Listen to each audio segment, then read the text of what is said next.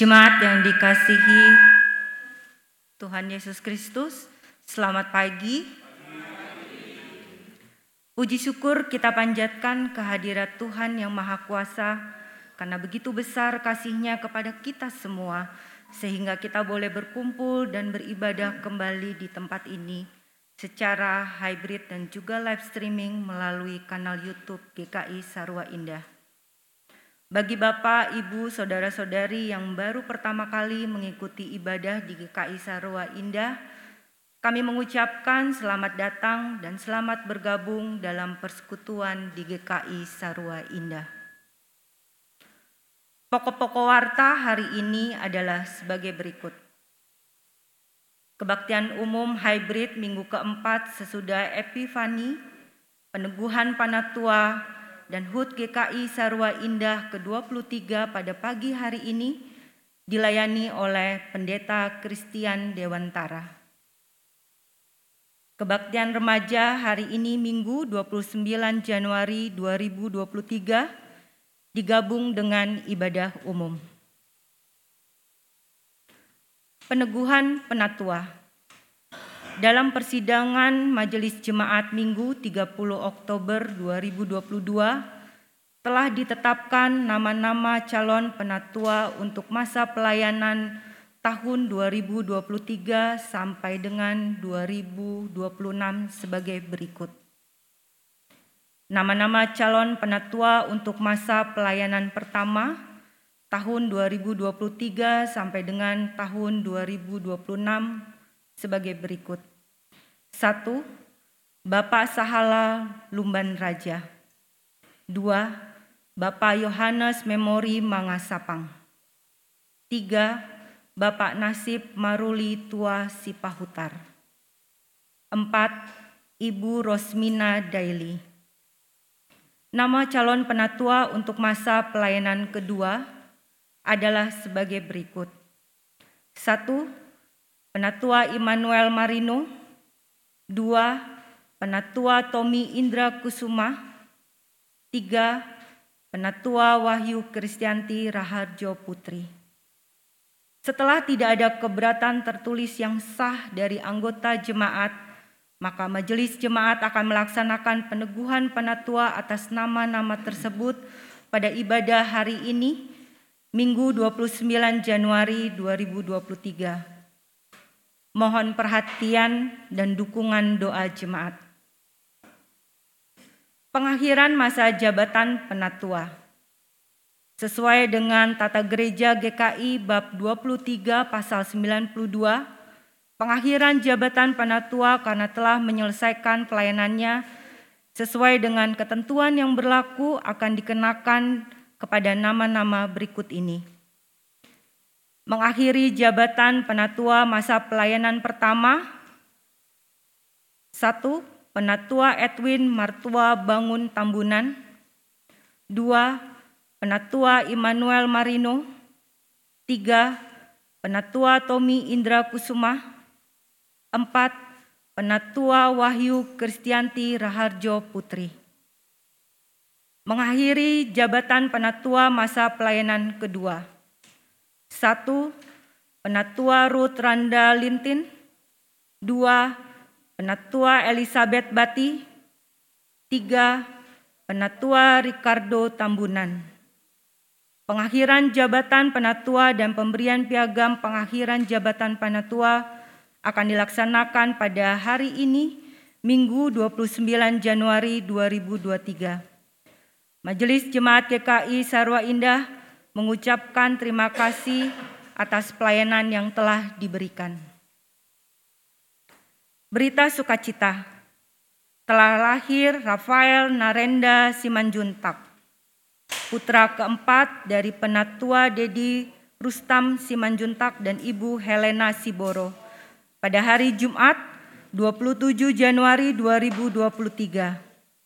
Majelis Jemaat dan Simpatisan GKI Sarwa Indah mengucapkan turut berbahagia Tuhan Yesus memberkati. Rapat PMJ akan diadakan pada hari Minggu 29 Januari 2023 pukul 11 WIB bertempat di sekretariat. Mohon doa dan perhatian jemaat.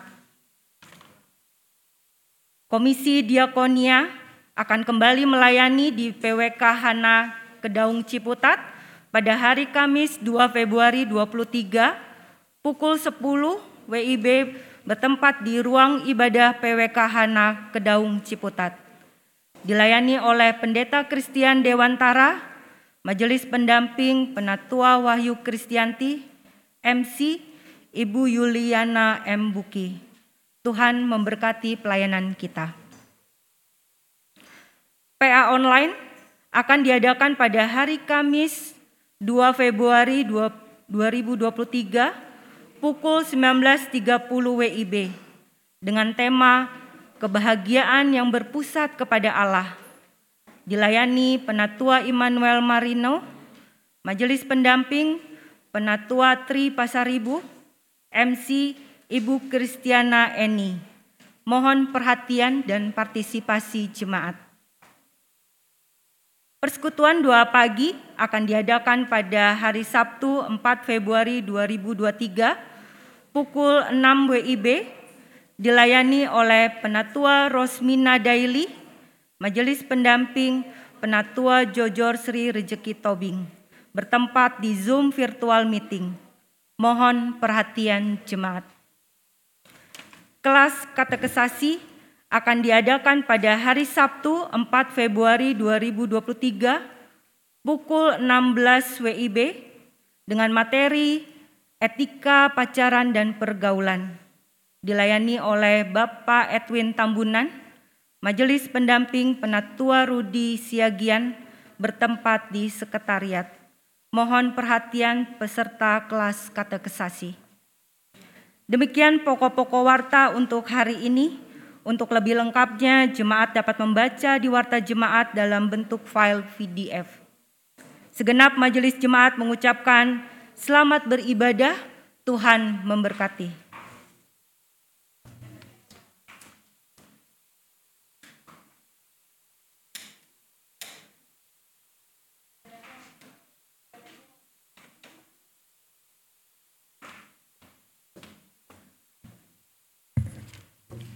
Saudara-saudara, marilah kita mempersiapkan hati kita dengan sungguh-sungguh untuk masuk ke dalam kehadirat Tuhan.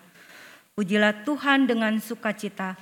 Saya undang jemaat untuk bangkit berdiri dan kita menyanyikan dari KJ 16 bait 1 sampai dengan bait yang ketiga, Ya Halik Semesta.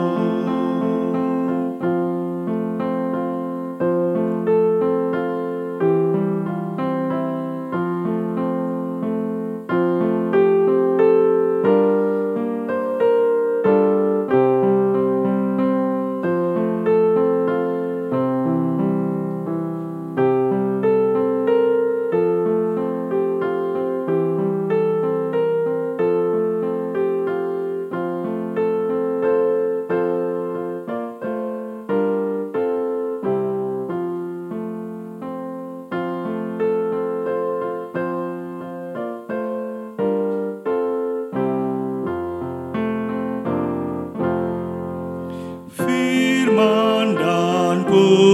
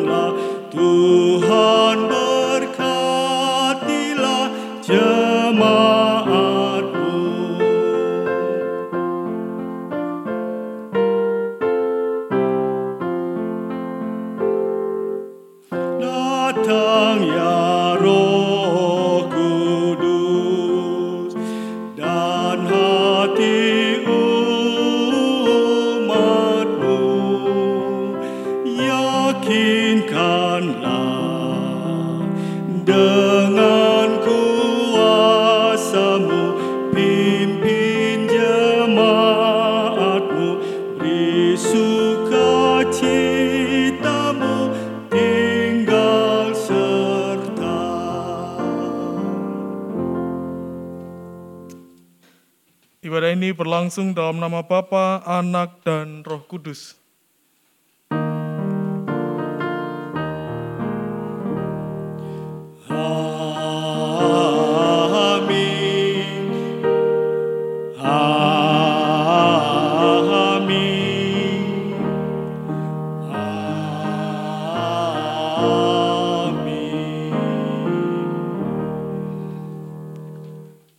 Kasih karunia dan damai sejahtera dari Allah Trinitas senantiasa beserta saudara. Dan beserta saudara juga. Silakan duduk. Kebahagiaan biasanya diidentikan dengan segala sesuatu yang membuat hati senang. Misalnya, segala sesuatu yang kita miliki. Namun, berbeda sekali dengan arti dan ukuran kebahagiaan yang Yesus utarakan. Yesus mengaitkan kebahagiaan dengan mutu manusianya. Menurut Yesus, kebahagiaan sejati adalah pemberian Allah kepada mereka yang memiliki hidup yang benar, yaitu mereka yang tidak mengaitkan diri pada harta duniawi, karena mereka justru akan memiliki harta surgawi. Orang yang lemah lembut tidak pernah membela hak sendiri, merekalah yang mewarisi bumi. Orang yang lapar dan haus akan kebenaran serta mencari harta surgawi pasti dipuaskan. Orang yang murah hati membagi-bagikan bukan mengumpulkan, justru akan menikmati kelimpahan. Orang yang suci hatinya yang mengarahkan fokus hidupnya pada Allah dan bukan pada dunia adalah orang-orang yang akan melihat dan menikmati Allah. Sedangkan mereka yang membawa damai dan menebarkan kasih Allah akan disebut anak-anak Allah. Akhirnya, mereka yang menderita oleh karena nama Allah, Allah sendiri yang akan melimpahi sukacita kekal. Kehidupan sejati hanya dapat dinikmati orang-orang yang memfokuskan hidupnya kepada Allah. Mari kita sambut dengan menyanyikan PKJ 37 bait 1 dan 2 Bila kurenungkan dosaku.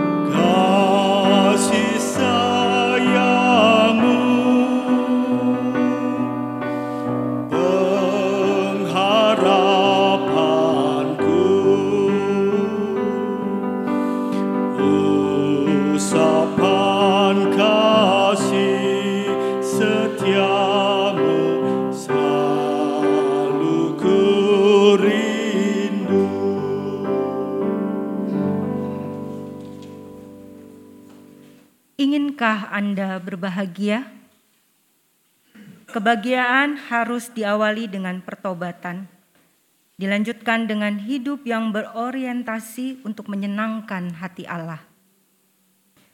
Semakin kita dekat dengan Allah, maka kita akan semakin mirip dengan Dia dan sifat-sifatnya yang lemah lembut, bukan keras hati. Lapar dan haus akan kebenaran. Murah hati tidak kikir, atau tamak. Itulah jalan bahagia, jalan yang tidak mudah karena terdapat tanggung jawab, tetapi juga adalah hidup yang sepenuhnya ada dalam pembentukan Tuhan. Karena itu, mari kita belajar hidup bukan untuk diri kita sendiri, melainkan untuk Allah. Saya undang jemaat untuk berdoa secara pribadi, dan saya akan menutupnya dengan doa pengakuan dosa. Mari kita bersatu dalam doa.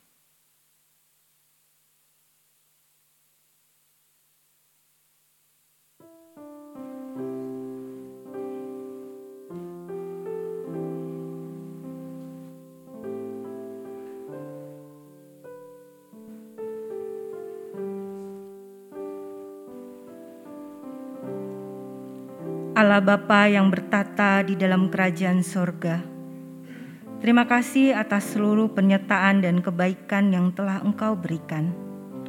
Pada hari ini kami datang ke hadirat-Mu untuk mengakui segala dosa dan pelanggaran yang telah kami perbuat, baik di dalam pikiran, perkataan, maupun perbuatan kami. Banyak hal yang terjadi yang merupakan kejadian yang telah Engkau rencanakan untuk kehidupan kami. Namun kami sadar bahwa kerap kali kami melakukan kesalahan dan telah berbuat dosa. Kami merasa seperti tidak berterima kasih atas segala kebaikan yang telah Engkau berikan. Karena itu Bapa, kiranya Engkau sudi mengampuni segala dosa dan pelanggaran yang telah kami perbuat. Kiranya Engkau mengasihi dan mengampuni kami menurut kasih setiamu. Ubahkanlah hidup kami menjadi hidup seturut kehendakmu Inilah doa hidup, inilah doa yang kami panjatkan dan kami alaskan di dalam satu nama Yesus Kristus. Amin.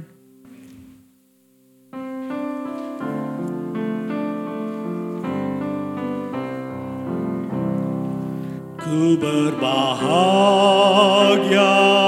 yakin teguh, Yesus abadi kepunyaanku.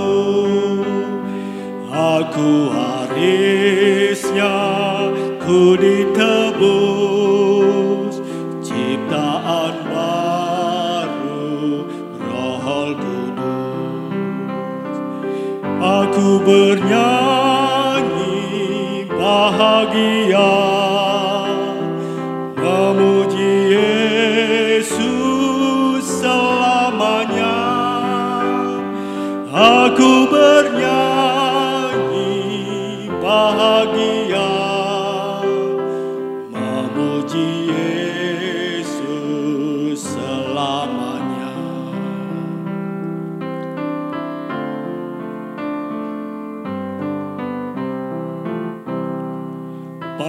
sempurna, nikmat penuh, suka sorgawi melimpahiku.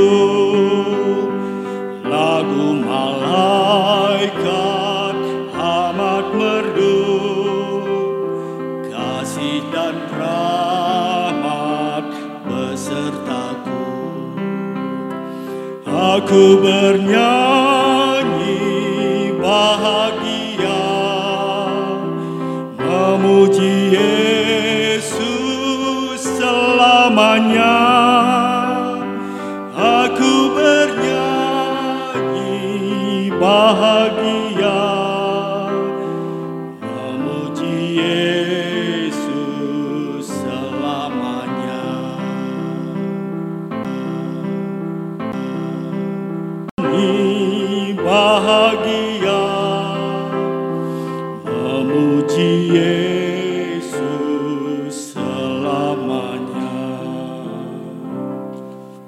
selamanya. Saya undang jemaat untuk bangkit berdiri. Berita anugerah bagi kita terdapat dalam firman Tuhan dalam kisah para rasul 10 ayat 43 yang tertulis demikian. Tentang dialah semua nabi bersaksi bahwa barang siapa percaya kepadanya, ia akan mendapat pengampunan dosa oleh karena namanya. Demikianlah berita anugerah dari Tuhan. Syukur kepada Allah. Mari kita sambut dengan salam damai.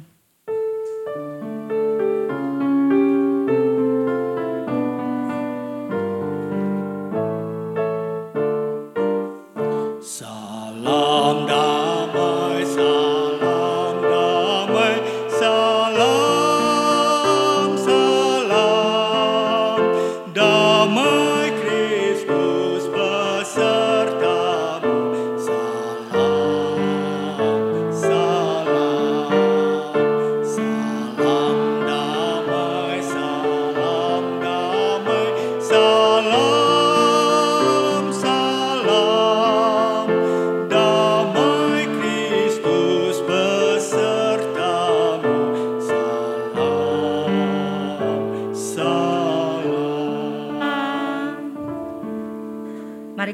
dengan nyanyian PKJ 214 bait 1 sampai dengan bait yang ketiga. Bahagia di hatiku.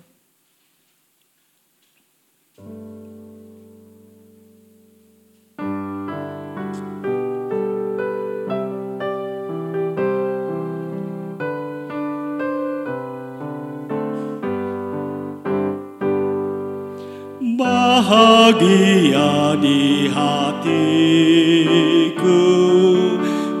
Yesus selamatkanku. Ku puji juru selamatku.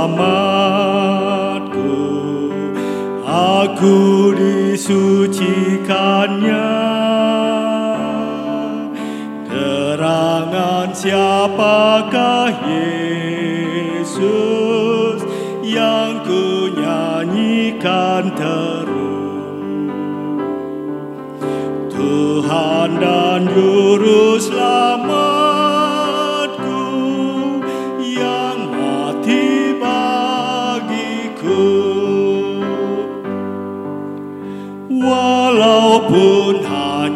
sekali.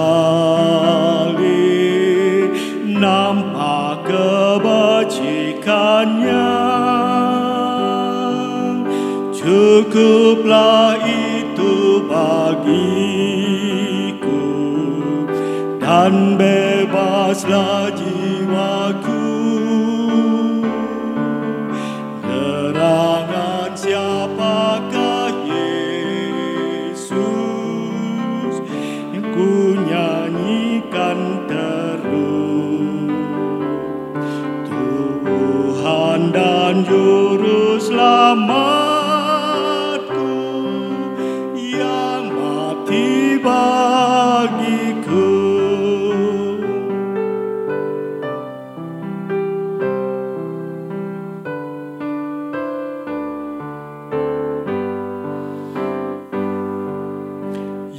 Yesus yang paling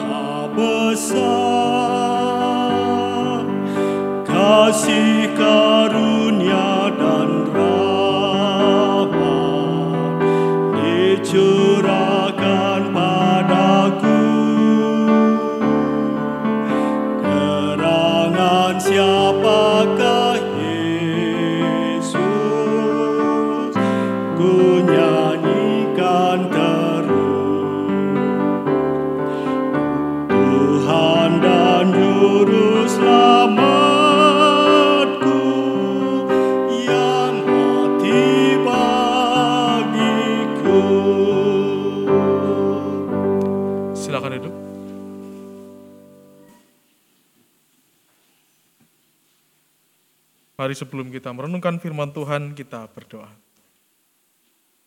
Kami sungguh mengucap syukur Tuhan, pada saat ini kami sudah tiba di minggu terakhir bulan Januari. Tuhan boleh senantiasa menyertai kami, dalam tahun 2023 ini setidaknya dalam satu bulan yang sudah berjalan. Sebagai rasa syukur ini Tuhan kami pun senantiasa mau berhimpun dan merenungkan firman Tuhan. Dan bila sebentar firman Tuhan akan diberitakan, kami pun juga siap mendengar dan kami pun selalu rindu mendengarkannya. Kiranya Tuhan boleh memberkati hambamu yang jauh dari sempurna ini. Kiranya Tuhan pakai dan Tuhan menolong. Demi Kristus kami berdoa. Amin.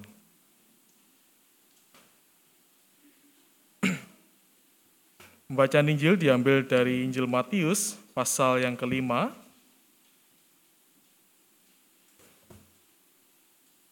Matius pasal yang kelima kita akan membaca ayat 1 sampai 12. Matius pasal 5 ayat 1 sampai 12 bagian dari khotbah di bukit dan menjadi salah satu bagian dalam Alkitab yang sangat terkenal yaitu tentang ucapan bahagia. Demikianlah firman Tuhan.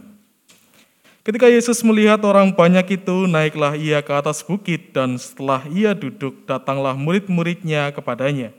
Maka Yesus pun mulai berbicara dan mengajar mereka katanya, Berbahagialah orang yang miskin di hadapan Allah, karena merekalah yang empunya kerajaan sorga. Berbahagialah orang yang berduka cita, karena mereka akan dihibur. Berbahagialah orang yang lemah lembut, karena mereka akan memiliki bumi.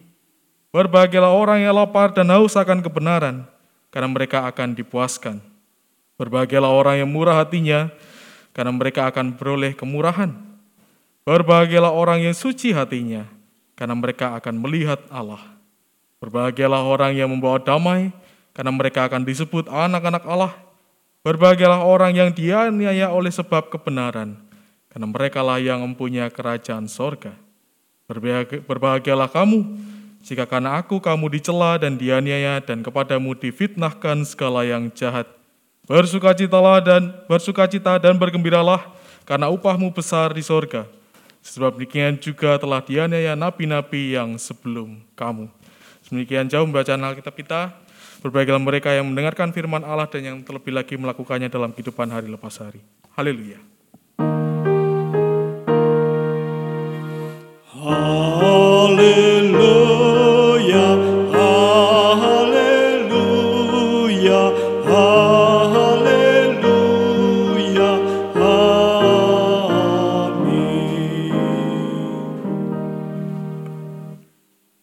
Bapak kalau ditanya, apa yang paling membahagiakan dalam hidup Ibu Bapak itu kira-kira jawabannya apa? Sehat. Sehat. Apalagi yang membahagiakan? Damai, apalagi? Rumahnya gede? Rekeningnya nolnya banyak? Atau apalagi? Hidupnya rukun? Nah, apalagi ayo. Anak-anaknya ndak bandel? Nah, ayo ini berarti yang iya kenceng ini berarti anaknya bandel ini. Apalagi yang membahagiakan, Ibu Bapak Saudara. Banyak ya. Ah, diselamatkan. Ada suara dari seberang tadi. ya kalau begitu, saya bertanya lagi apakah sesuatu yang membahagiakan itu sudah cukup kita miliki atau masih harus kita kejar? Atau kita merasa apa yang membahagiakan itu sekarang belum kita miliki sepenuhnya? Kira-kira mana? Sudah cukup atau masih kurang? Kurang ya? kurang ya? Mau bilang kurang malu toh ya? Ya, kalau kita menggumulkan dan merenungkan Ibu Bapak Saudara, sering kali ketika kita berbicara kebahagiaan, kita tetap merasa kurang. Mau seperti apa pun yang kita miliki, sering kali kita masih saja, oh yang lain belum tak miliki, oh yang itu belum, oh yang sono kok lebih baik daripada punya saya. Oh kok yang itu lebih, oh lebih enak kan daripada punya saya. Dan akhirnya apa? Seringkali ketika itu yang menjadi fokus kita, kita merasa menjadi orang yang tidak berbahagia. Kita merasa ada yang kurang dalam hidup kita karena ada banyak hal yang ingin kita kejar dan kita miliki. Selalu ingin lebih dan Bila tidak dikendalikan, tentu bisa berbahaya, bukan? Ketika kita mencari kebahagiaan tetapi ternyata kebahagiaan yang kita cari jalannya salah, ya bisa juga itu malah justru tidak membuat kita berbahagia, tetapi kita justru terjerumus dalam kesulitan-kesulitan. Karena cara yang kita pakai tidak benar. Nah, kita membaca dalam khotbah di bukit, pasal 5 sampai 7 kalau Bapak Saudara membaca lebih lengkap, diawali dengan ucapan bahagia yang dikatakan Tuhan. Kenapa kok ini menjadi penting begitu ya? Kenapa ucapan bahagia ini ditaruh di depan ketika Tuhan mengawali khotbah di bukit? Kita perlu ingat bahwa mereka ini kan orang-orang Israel ini hidup dalam penjajahan. Bangsa Romawi.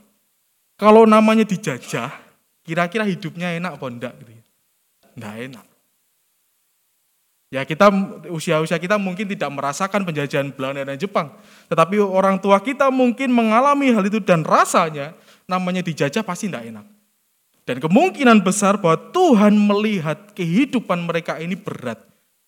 Orang kalau sudah merasa semuanya sulit, rasanya kan hidup ini dijalani kayak apa pun akan berat tuh ya. Mungkin ibu bapak juga mengalami itu. Kalau sudah berangkatnya kita memiliki mindset kita ini tidak bahagia hidupnya. Wah aku ini kurang diberkati. Ya pasti setiap bangun pagi bukan bersyukur, tetapi pusing tujuh keliling. Bahkan mungkin minum obat sakit kepala 5 sampai 6 pun juga tidak akan berefek begitu. Oleh karena itu apa yang dikatakan Tuhan ini menjadi sangat penting untuk mengawali khotbah di bukit. Ia mengatakan bahwa berbahagialah banyak hal yang dikatakan di situ. Tetapi persoalannya berbahagianya ini bukan sesuatu yang kita sebutkan tadi di depan. Berbahagia yang dikatakan Tuhan bukan tentang kesehatan, bukan tentang kecukupan kehidupan kita, bukan tentang hidup rukun, bukan tentang keluarga, tetapi hal-hal yang rasa-rasanya kita mungkin akan sedikit bingung dalam membaca ini. Contohnya dalam ayat ketiga, berbahagialah orang yang miskin di hadapan Allah, karena merekalah yang empunya kerajaan surga. Apakah bisa orang miskin berbahagia? Mungkin kita ber, ber, membaca ini, waduh, Emang bisa? Apakah bisa? Apakah itu sangat mungkin? Atau hal lain? Apalagi ayat 4, berbagailah orang yang berduka cita. Karena mereka akan dihibur. Waduh, berarti untuk mendapatkan penghiburan harus berduka cita dulu? Bisa saja kita membacanya salah seperti itu. Nah dalam pembacaan kita ini, kita perlu melihat bahwa penderitaan yang dialami oleh bangsa Israel pada waktu itu kan bukan penderitaan yang mereka buat sendiri tapi sebuah penderitaan yang memang menjadi sebuah kenyataan. Tuhan melihat bahwa mereka betul-betul menderita, betul-betul gundah gulana karena situasi hidup mereka. Oleh karena itu ketika kita membaca bagian ini, bukan berarti penderitaan atau pergumulan itu bukan perkara kita berbuat salah dan kita menanggung itu dan kita bisa mengatakan, orang menderita juga berbahagia kok kata Tuhan. Ya tidak seperti itu juga. Bukan kok berarti kita hidup serampangan, lalu menghadapi pergumulan dan persoalan, dan kita mengatakan, tidak apa-apa, oh Tuhan nanti menghiburku. Tidak apa-apa nanti Tuhan juga mengatakan berbahagialah orang-orang yang susah. Loh, tidak bisa begitu. Dan sebenarnya Bapak Saudara, kata yang dipakai dalam kata berbahagia, dalam bahasa, bahasa aslinya itu adalah makarios. Dan terjemahan yang lebih tepat sebenarnya berbahagia ini adalah apa? Diberkati. Jadi kata yang dipakai dalam bahasa aslinya, dalam bahasa Yunani, dalam teks Injil yang kita miliki ini adalah sebenarnya diberkatilah orang yang miskin di hadapan Allah. Sebenarnya terjemahan yang lebih tepat seperti itu. Jadi diberkatilah orang yang lemah lembut karena mereka akan memiliki bumi. Diberkatilah orang yang berduka cita karena mereka akan dihibur. Nah, itu berarti kalau bahasa aslinya makarios itu artinya berbicara diberkati. Itu berarti bersuka cita itu harus berangkatnya dari apa? Dari diri sendiri dulu toh ya. Itu berarti Tuhan ingin menekankan bahwa berbahagia bukan berbicara tentang hal-hal yang bendawi dan duniawi. Tetapi tentang nilai religius, berangkat dari diri sendiri dulu dan fokus pada nilai yang ditentukan oleh Allah. Nah, kalau kita merenungkan seperti itu, berbahagia bukan pada hal-hal duniawi dan bendawi, maka seharusnya berbahagia ini dapat ditemukan dalam segala perjalanan kita. Bukan perkara apakah kita sedang sukacita, bukan perkara kita sedang bergumul, apalagi kalau sedang bergumul lalu kita merasa tidak berbahagia. Tidak, tetapi kita berbicara bahwa berbahagia diberkati ini ketika kita mau menyadari bahwa dalam pergumulan yang paling berat pun, seperti orang-orang Israel dalam masa penjajahan, ia pun juga tetap diberkati. Nah persoalannya, pertanyaannya apakah kita ini merasa diberkati enggak kalau lagi bergumul? Kalau ibu bapak merasakan pergumulan misalnya, merasa diberkati enggak? Atau kita merasa itu, ya sudah ini hukuman Tuhan buatku. Wah dengan dengan lantangnya mengatakan seperti itu gitu ya. Ini hukuman Tuhan buatku. Ya biarlah aku jalani. Di depan banyak orang seperti itu. Di kamar nangis derenginging gitu ya. Tuhan ini piye gitu. Nah sering kali ini tantangan menjadi orang Kristen. Ketika kita membaca berbahagialah orang yang miskin, berbahagialah orang yang berduka cita, kita tidak merasakan bahagia itu dengan benar. Tetapi apa? Justru kalau bahasa anak sekarang tuh bahasanya toksit. Berbahagianya itu semu. Berbahagia yang dibuat-buat. Berbahagianya itu seperti mengingkari justru kesulitan-kesulitan yang kita hadapi. Jadi merasanya sepertinya seperti ini Bapak Ibu Saudara. Gak apa-apa kok pergumulanku ini, wong aku juga orang berbahagia dan diberkati. Gak apa-apa kok, ini masa-masa yang susah yang tak lewatin. Tapi aku orang yang berbahagia, orang yang diberkati. Tetapi di dalam hatinya sebenarnya sedang bertanya, bener toh Tuhan aku ini diberkati bagian mana gitu. Sering kali ketika kita hidup menjadi orang Kristen, kita terjebak dengan pemahaman-pemahaman seperti demikian.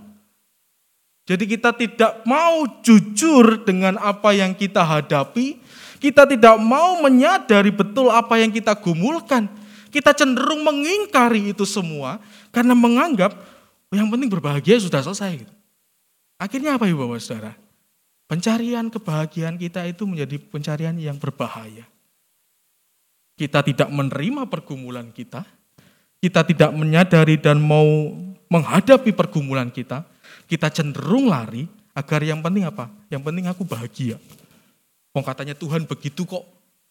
Yang penting aku bahagia aja. Persoalanku nanti di belakang aja udah dulu. Nantilah dihadapin aja dulu, nanti-nanti aja lah. Yang penting aku bahagia. Kalau itu yang kita lakukan, percayalah ibu bapak saudara, maka potensinya adalah kita jatuh justru dalam dosa. Kita justru bisa dapat jatuh dalam dosa karena pencarian bahagia kita jatuhnya ke hal-hal duniawi dan bendawi. Oleh karena itu, apa yang diperlukan untuk merasakan bahagia? Sudah tertulis sebanyak itu di dalam Alkitab kita. Tapi saya ingin mengajak kita, apa sih maksudnya? Gitu. Karena tidak semuanya jelas dan bisa dipahami dengan tepat. Nah, yang pertama kita melihat dalam ayat 3, berbahagialah orang yang miskin di hadapan Allah. Apakah ini berbicara tentang kemiskinan secara materi? Apakah kalau kita membaca ini itu berarti orang-orang yang hanya ditakar miskin ya karena materi belaka? Enggak. Apa yang dikatakan oleh Tuhan Yesus dalam ayat 3 itu maksudnya adalah ketika orang berbagi, orang miskin di hadapan Allah, itu berarti ia menyadari bahwa apa? Seluruh hidupnya itu bukan miliknya. Dia tidak memiliki apa pun semua yang dimilikinya itu adalah sebuah anugerah. Mau pasangan, mau anak, mau orang tua, mau segala sesuatu yang dimiliki, harta, benda, segala sesuatu, bukan hasil upayanya sendiri. Tetapi itu adalah anugerah, pemberian. Ketika kita berbicara tentang berbahagialah orang yang miskin, diberkatilah orang yang miskin di hadapan Allah, itu berarti kita menyadari bahwa apa yang kita miliki itu adalah sebuah pemberian dan anugerah. Kalau kita bisa menghayati dan menghidupi itu, maka kita akan apa? Fokus pada kerajaan Allah. Kalau kita menyadari bahwa apa yang kita miliki ini bukan milik kita sendiri, maka tertuju fokus kita akan tertuju pada pencarian kerajaan Allah. Dan oleh karena itu benar yang dikatakan dalam ayat 3, berbahagialah dan diberkatilah orang yang miskin di hadapan Allah. Dan yang kedua ayat 4, berbahagialah orang yang berduka cita. Apakah lalu itu berarti kita harus mencari-cari duka cita? Apakah itu harus lalu kita harus mencari mana ya orang yang berduka cita ya tak kasih tahu. Oh, berduka cita enggak apa-apa. Nanti kamu dihibur. Enggak seperti itu Ibu. Kita bukan mencari-cari. Tapi ingatlah bahwa duka cita itu bisa datang kapan saja tanpa permisi. Duka cita itu tidak perlu dicari-cari karena apa? Dia bisa datang kapan saja, bahkan di dalam situasi kehidupan kita yang rasanya sudah cukup dan lengkap. Bisa tiba langsung tiba-tiba makblar gitu. Nah, lalu apa yang bisa kita lakukan ketika itu terjadi? Kita bisa merasakan dan harus mengingat bahwa penghiburan sejati itu datangnya dari Tuhan. Itu berarti apa? Bahwa orang-orang yang berduka cita itu diberkati, itu menandakan bahwa Kristus hadir juga untuk orang-orang yang berduka cita. Jadi jangan cari-cari duka cita, Ibu Bapak Saudara, biar mis, bisa di, apa, mendapatkan penghiburan enggak. Tetapi ketika itu datang, masa itu datang, duka cita itu datang, ingatlah selalu bahwa penghiburan Tuhan akan terus ada. Lalu berbahagialah orang yang lemah lembut karena mereka akan memiliki bumi. Apakah ini maksudnya kita harus ya hari pak enggih gitu. Terus orang-orang yang dengan nada bicara yang tegas berarti tidak bisa memiliki bumi begitu? Apakah itu maksudnya? Lalu bagaimana dengan orang-orang yang memang dari kecil bicaranya cablak begitu? dan to the point, peng, peng, peng, peng, peng gitu. Apakah dia tidak bisa memiliki bumi? Maksudnya adalah tentang lemah lembut ini adalah memiliki sikap kerendahan hati. Ketika kita berbicara tentang lemah lembut, itu berarti kita diajak untuk hidup dalam kerendahan hati. Nah ini susah. Bahkan untuk orang yang tampaknya kelemar-kelemar dan tidak satset-satset begitu. Lemah lembut ini bukan berbicara tentang cara atau yang terlihat oleh mata. Karena lemah lembut ini berbicara tentang kerendahan hati itu berarti sikap bahwa kita mau mengapresiasi semua dan tidak merasa paling penting di dunia ini. Ini bukan berbicara tentang cara hidup atau gaya ngomong. Tetapi ini tentang bagaimana pemikiran kita, kita mau hidup sejajar dengan semua orang. Kita mau menghargai semua orang, dan kita memiliki kerendahan hati. Berbahagialah orang yang lapar dan haus akan kebenaran, bukan lapar dan haus akan B2 gitu. Tetapi kan ini menjadi sebuah hal yang dikatakan Tuhan, diberkatilah orang yang lapar dan haus akan kebenaran. Maksudnya adalah hidupnya terus berdasarkan kebenaran Tuhan, bukan kebenaranku, apalagi pendapatku. Apakah susah? Sangat susah. Apalagi kalau kita dalam posisi yang salah. Kecenderungan manusia adalah apa? Mencari perlindungan diri, mencari pertahanan diri. Dan bisa membuat orang yang awalnya benar bisa salah. Biar demi kita terlihat benar. Nah oleh karena itu apa yang dikatakan Tuhan ini menjadi sesuatu hal yang mungkin berat untuk dilakukan. Tapi begitulah esensinya kita diberkati dan berbahagia. Yaitu hidup dalam kebenaran. Berbahagialah orang yang murah hatinya, itu berarti memiliki belas kasih. Tapi juga bukan berarti kita mudah ditipu dengan orang-orang yang memanfaatkan kebaikan dan belas kasih kita. Berapa waktu ini Bapak Ibu Saudara, ini menjadi pengingat dan juga warning untuk kita semua. Beberapa HP pendeta GKI diretas dan ada banyak jemaat yang dihubungi untuk meminta bantuan. Jadi nanti kalau tiba-tiba ada WhatsApp, nomornya wajahnya saya, Apalagi kalau pas masih wajahnya saya kurus, nah itu pasti hoax. Itu foto-foto lama dari Facebook yang diambil gitu ya. Tapi ini menjadi sebuah hal yang patut kita cermati dan kita perhatikan. Bahwa sering kali ketika kita berbelas kasihan, kita dengan mudah memberi pertolongan tanpa kebijaksanaan. Belas kasihan bukan berarti hanya ini, gini, gini, enggak. Tapi betul-betul ketika kita menyadari bahwa orang itu butuh pertolongan dan kita melakukan menolong itu dengan ketulusan. Ada banyak beberapa jemaat GKI yang akhirnya tertipu dengan itu karena teleponnya macam-macam. Ada yang katanya jemaat oh, suami saya lagi sakit, butuh uang dan sebagainya. Dan kalau yang ngomong apalagi wajahnya pendeta ya jemaat bisa bisa apa gitu. Kadang kan sungkan gitu ya. Ya udahlah ditransfer, tapi ternyata bukan. Itu juga menjadi sebuah peringatan juga bagi kita. Sekalian saya katakan begitu ya. Lalu berbahagialah orang yang suci hatinya. Ini berarti kan sebuah menunjukkan pada sebuah cara hidup bahwa apa? Menjaga hidup kudus. Ini sudah pasti. Ini menjadi sebuah hal yang harus kita jaga dalam segala sesuatu. Hendaklah kita memiliki kekudusan itu. Memiliki hidup suci. Dan berbahagialah orang yang membawa damai. Rasanya saya tidak perlu menjelaskan bagian ini. Karena kita tentu diharapkan dan juga mendambakan hidup damai toh ya. Kita tidak ada tuh di sini yang, oh kalau damai kayaknya nggak enak. Aku harus buat keributan gitu. Ada? Tidak ada kan? Semoga tidak ada. Karena Tuhan mengatakan bahwa berbahagialah orang yang membawa damai. Diberkatilah orang yang membawa damai. Kita menjadi orang Kristen jangan sampai lalu merasa, hmm kedamaian ini bukan sesuatu yang saya sukai. Saya mau buat keributan. Jadi semua segala sesuatu yang sebenarnya tidak perlu dibahas, dibahas-bahas, pancing-pancing agar orang ribut gitu. Dan ketika ada orang ribut dia bertepuk tangan. Semoga tidak ada di dalam kehidupan kita. Baik dalam GKI Sarwa Indah maupun dalam keluarga kita. Kita diundang untuk juga membawa damai sejahtera dari Allah. Berbahagialah orang yang dianiaya oleh sebab kebenaran. Karena mereka lah yang mempunyai kerajaan itu berarti apa?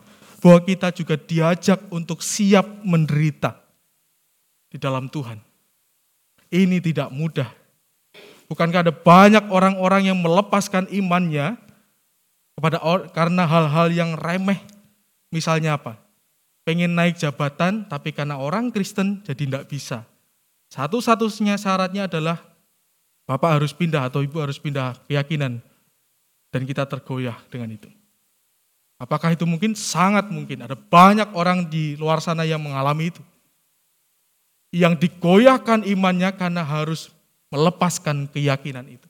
Dan kita diajak juga dan diundang bahwa ketika kita siap menderita karena Allah, kita pun juga akan diberkati. Itu sebuah janji yang diberikan oleh Allah. Berbahagialah kamu yang jika karena aku kamu dicela dan dianiaya begitu dan difitnah segala sesuatunya.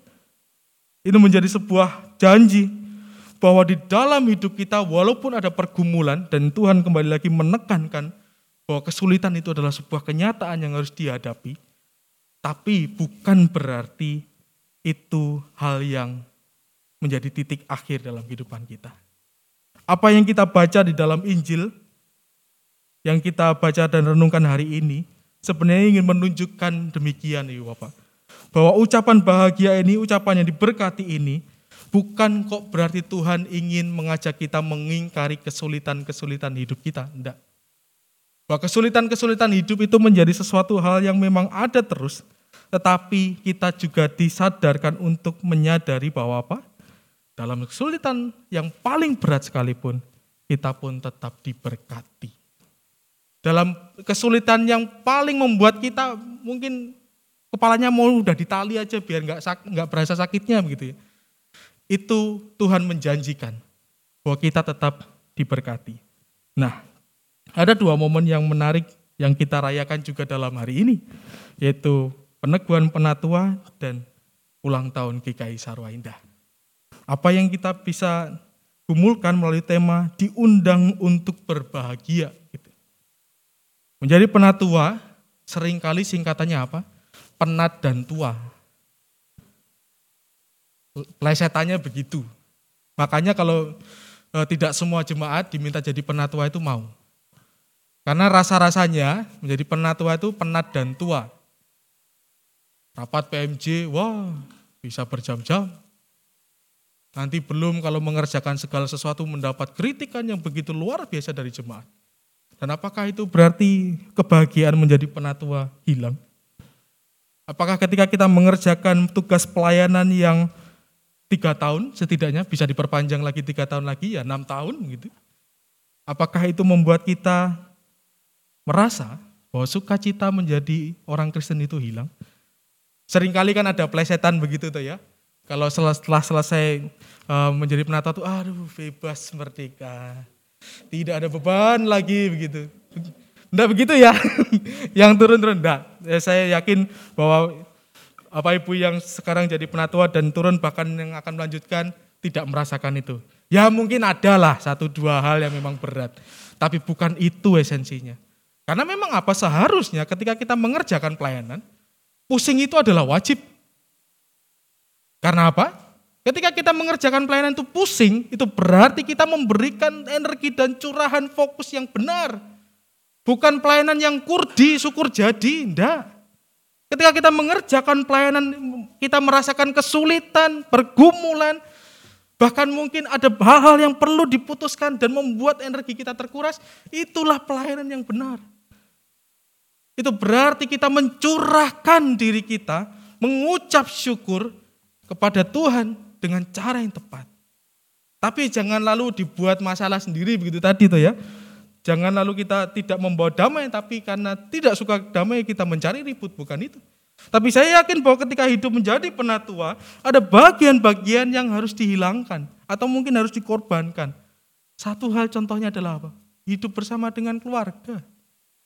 Ibu bapak pernah pernah apa ya menyadari tidak bahwa teman-teman kita yang menjadi penatua itu hari weekendnya yang harusnya bisa berkumpul dengan keluarga itu harus dihabiskan untuk rapat. Yang seharusnya bisa buat arisan atau datang pesta itu harus dibatalkan karena apa? Mereka memikirkan apa hal-hal yang baik untuk gereja kita. Dan itu lama. Oleh karena itu kita saya mengajak untuk kita juga mengapresiasi para penatua yang kita miliki. Bahwa betul ada banyak pelayanan yang mungkin masih kurang atau hal-hal yang mungkin masih belum sempurna. Tapi percayalah bahwa dengan dukungan jemaat yang tepat, para penatua kita pun juga bisa mengerjakan pelayanannya dengan lebih baik, dengan sukacita, dengan bergembira, dengan diberkati. Lalu momen kedua, kita hari ini juga merayakan ulang tahun gereja kita, 23 tahun gitu ya. Katanya dulu sebelum saya masuk ke sini, GKI Sarwa Indah itu gereja yang kecil tapi masalahnya besar. Katanya begitu, dan ketika di bis saya memikirkannya betul-betul. Ketika dulu Pak Salah memwhatsapp saya jam 11 malam, Mas Christian nama saya Penatua Salah, saya dari GKI Sarwa Indah. Saya pikir mau khotbah gitu ya uh, tawaran khotbah. Ternyata saya ditempatkan di sini. Dan ada beberapa teman yang, wah di Sarua, siap-siap ya gitu. Ada beberapa teman-teman saya mengatakan itu, siap-siap ya gitu. Apakah memang betul demikian? Tentu saya rasanya tidak fair kalau saya berbicara bagaimana kehidupan Sarwa Indah. Wong saya ini baru sekitar tiga tahun di sini. Tapi ibu bapak yang lebih lama di sini. Tapi dari hal-hal yang saya dengar memang kita sudah punya banyak pengalaman. Banyak hal yang sudah dilewati Sarwa Indah. Tapi apakah itu berarti Sarwa Indah ini gereja bermasalah? Saya rasa enggak. Apakah itu berarti apa yang kita alami di masa lalu membuat kita kehilangan sukacita dan berkat Tuhan dalam persekutuan kita? Apakah hal-hal yang sudah mungkin saja menyakitkan di masa lalu membuat kita saat ini tidak bisa merasakan sukacita dalam persekutuan kita. Saya menggambarkannya, mengandekannya begini Bapak. Usia 23 tahun itu kan usia-usia ketika seorang sudah selesai kuliah. Ya, mulai menjalani kehidupan sebagai orang dewasa, mulai bekerja dan sebagainya. Saya melihat bahwa Sarwa Indah di masa-masa lalunya itu adalah bagian dari dia dididik dan dipersiapkan. Peristiwa-peristiwa yang sudah kita lewati di masa lalu itu adalah cara Tuhan untuk membuat kita lebih siap untuk menjadi gereja yang dewasa, benar-benar dewasa. Bukan hanya berbicara tentang secara kelembagaan GKI bahwa kita gereja dewasa. tetapi kita disiapkan untuk betul-betul menjadi gereja yang dewasa. Ketika menghadapi pergumulan, ketika menghadapi hal-hal yang terjadi yang di luar kendali kita. Pertanyaannya, apakah kita mau bahu-membahu, bersatu hati untuk hidup dalam persekutuan ini? Apakah kita mau bersedia memiliki kelemah lembutan, belas kasih, hidup kudus, dan siap menderita untuk mewujudkan persekutuan ini? Ada banyak sudut pandang yang mungkin kita miliki dalam pelayanan di GKI Sarwa Indah. Ada banyak cara yang bisa kita lakukan untuk mengerjakan pelayanan di GKI Sarwa Indah. Mohon maaf kalau khotbah saya agak lama hari ini, tapi ini menjadi hal yang penting untuk saya katakan bahwa dalam segala hal yang kita kerjakan, sekecil apa pun itu, kerjakanlah dalam sukacita. Kerjakanlah dalam rasa bahwa kita sadar betul kita orang-orang yang diberkati Tuhan. Kerjakanlah kehidupan persekutuan ini baik sebagai penatua atau jemaat atau pengurus komisi. Kerjakanlah ini dalam rasa dan ingat selalu bahwa kita adalah orang-orang yang berbahagia karena Kristus sudah menyelamatkan kita. Kalau itu yang menjadi landasan hidup bersekutu kita, maka persoalan seberat apa pun kita tidak akan antipati dengan gereja ini. Maka walaupun Sarwa Indah ini katanya ya plesetannya seru dan indah gitu ya. Tapi ya enggak apa-apa. Bahwa semua gereja itu punya cerita Jangan lalu merasa kecil hati, walaupun mungkin satu klasis kita adalah salah satu gereja yang kecil. Atau hal-hal lain yang mungkin membuat kita menjadi malu mungkin. Saya berharap itu kita kubur dalam-dalam. Bersyukurlah menjadi bagian GKI Sarwa Indah. Karena Tuhan sudah menempa kita jauh lebih banyak daripada gereja-gereja lain. Mungkin Bersyukurlah ketika gereja kita menghadapi persoalan-persoalan yang membuat pening kepala, karena itu menjadi bekal. Ketika nanti Tuhan mempersiapkan hal-hal yang besar yang akan kita kerjakan. Nah pertanyaannya, apakah kita siap? Apakah kita siap merespon ketika kita diundang untuk berbahagia, sekaligus diundang untuk juga hidup dalam persekutuan GKI Sarwa Indah? Tuhan memberkati saat hening untuk kita.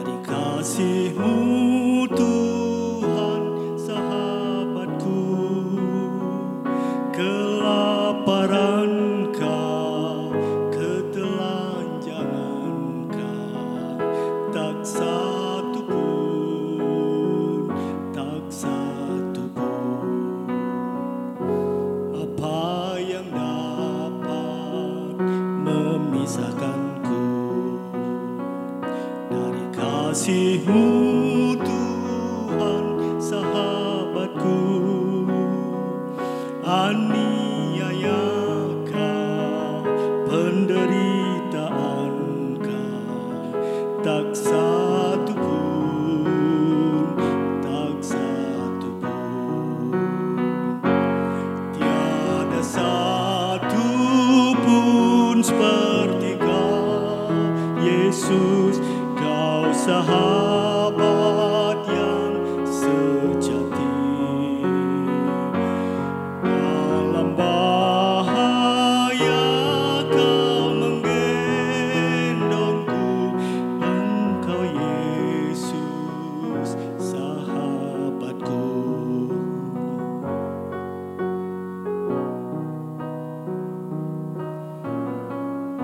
percaya kasih-Mu melebihi segala-galanya, melebihi pergumulan kami, bahkan melebihi penderitaan kami.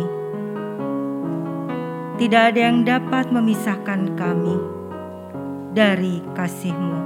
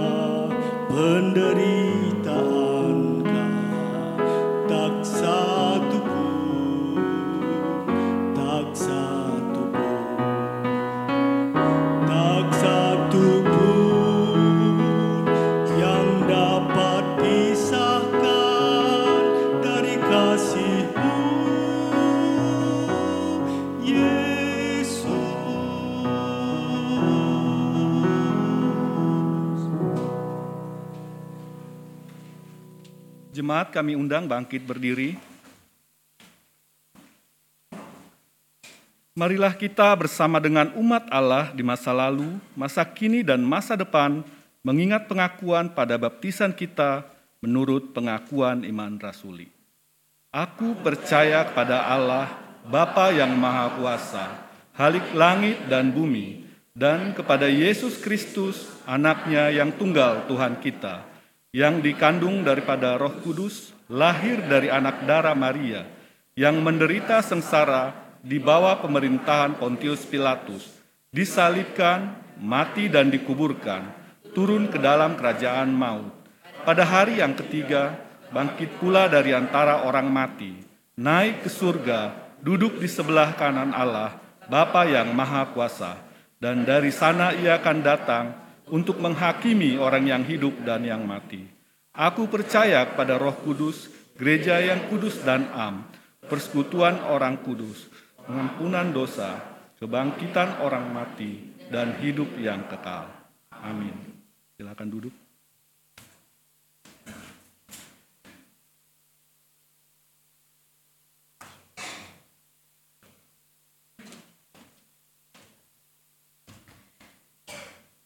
Selamat pagi, Bapak Ibu, saudara-saudara yang terkasih.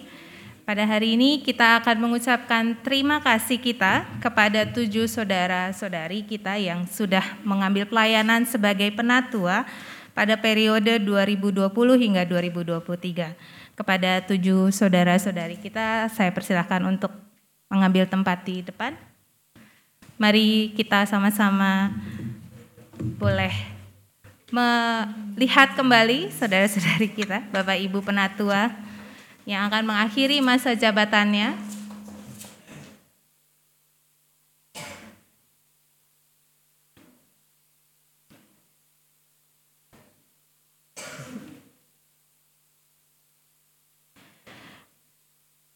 Majelis Jemaat GKI Sarua Indah dengan seluruh jemaat dan simpatisan mengucapkan terima kasih dan saat ini akan diberikan tanda terima kasih dari Majelis Jemaat Sinode GKI, Majelis Jemaat GKI Sarua Indah dengan membacakan SK, ada tujuh SK yang akan diberikan kepada pertama Bapak Edwin Martua Bangun Tambunan, kepada Bapak Emmanuel Marino, kepada Bapak Tommy Indra Kesuma, kepada Ibu Wahyu Kristianti Raharjo Putri, kepada Ibu Ruth Randa Lintin, kepada Ibu Elizabeth Bati, dan kepada Bapak Ricardo MH Tambunan yang telah menyelesaikan masa pelayanannya sebagai penatua Gereja Kristen Indonesia dengan basis pelayanan di GKI Kristen Indonesia Sarua Indah Ciputat periode pelayanan tahun 2020 hingga 2023. Tuhan memberkati pelayanan Bapak Ibu selanjutnya. Atas nama Majelis Jemaat Sinode GKI Majelis Jemaat GKI Sarua Indah, Penatua Immanuel Marino Ketua Umum dan Penatua Jojor Sri Rezeki Tobing Sekretaris 1. Izinkan saya membagikan tanda terima kasih ini kepada saudara-saudara kita yang sudah menyelesaikan pelayanannya.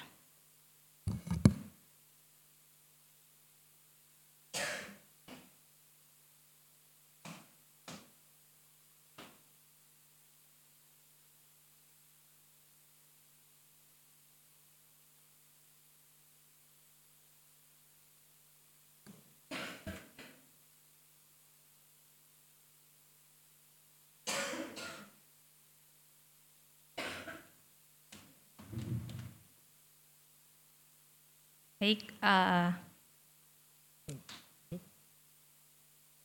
kembali seluruh majelis jemaat dan jemaat GKI Sarua Indah mengucapkan terima kasih untuk pelayanannya.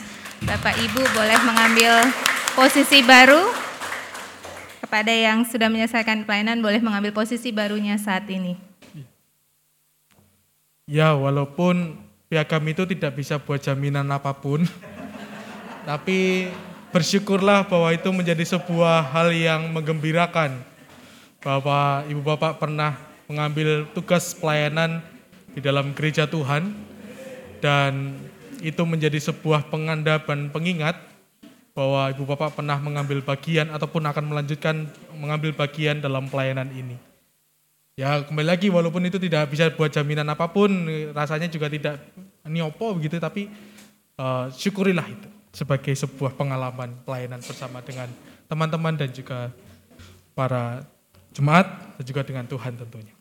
Ya, Ibu Bapak Saudara, saat ini kita datang ke hadapan Bapa yang Maha Kasih dan Maha Murah untuk menyelenggarakan peneguhan penatua sebagai pelayan dan pemimpin dalam gereja Tuhan. Kristus sebagai kepala gereja sepanjang zaman telah memanggil setiap orang percaya, laki-laki dan perempuan untuk melayani gereja.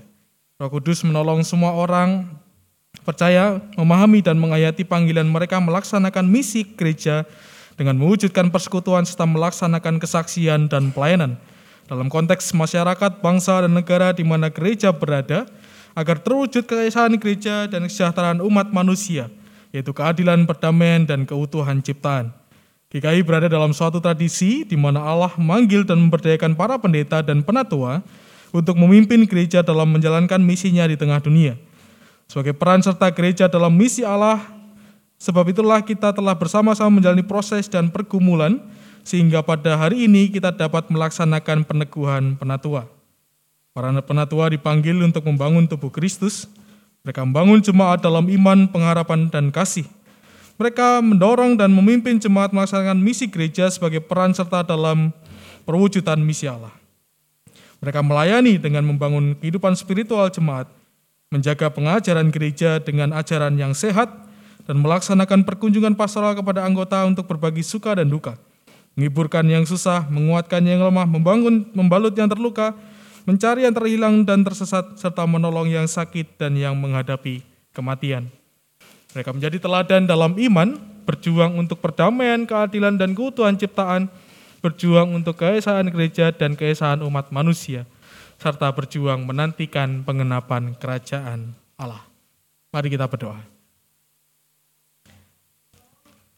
Saat ini Tuhan kami bersyukur untuk kesediaan saudara-saudara kami yang mau mengambil peran dalam tugas pelayanan kepenatuaan di GKI Sarwa Indah. Kami bersyukur untuk setiap pribadi yang juga sudah telah menyelesaikan tugas penatuaannya. Kiranya Tuhan boleh memberkati mereka dalam karya pelayanan yang baru dengan cara-cara mereka melayani di bagian yang baru.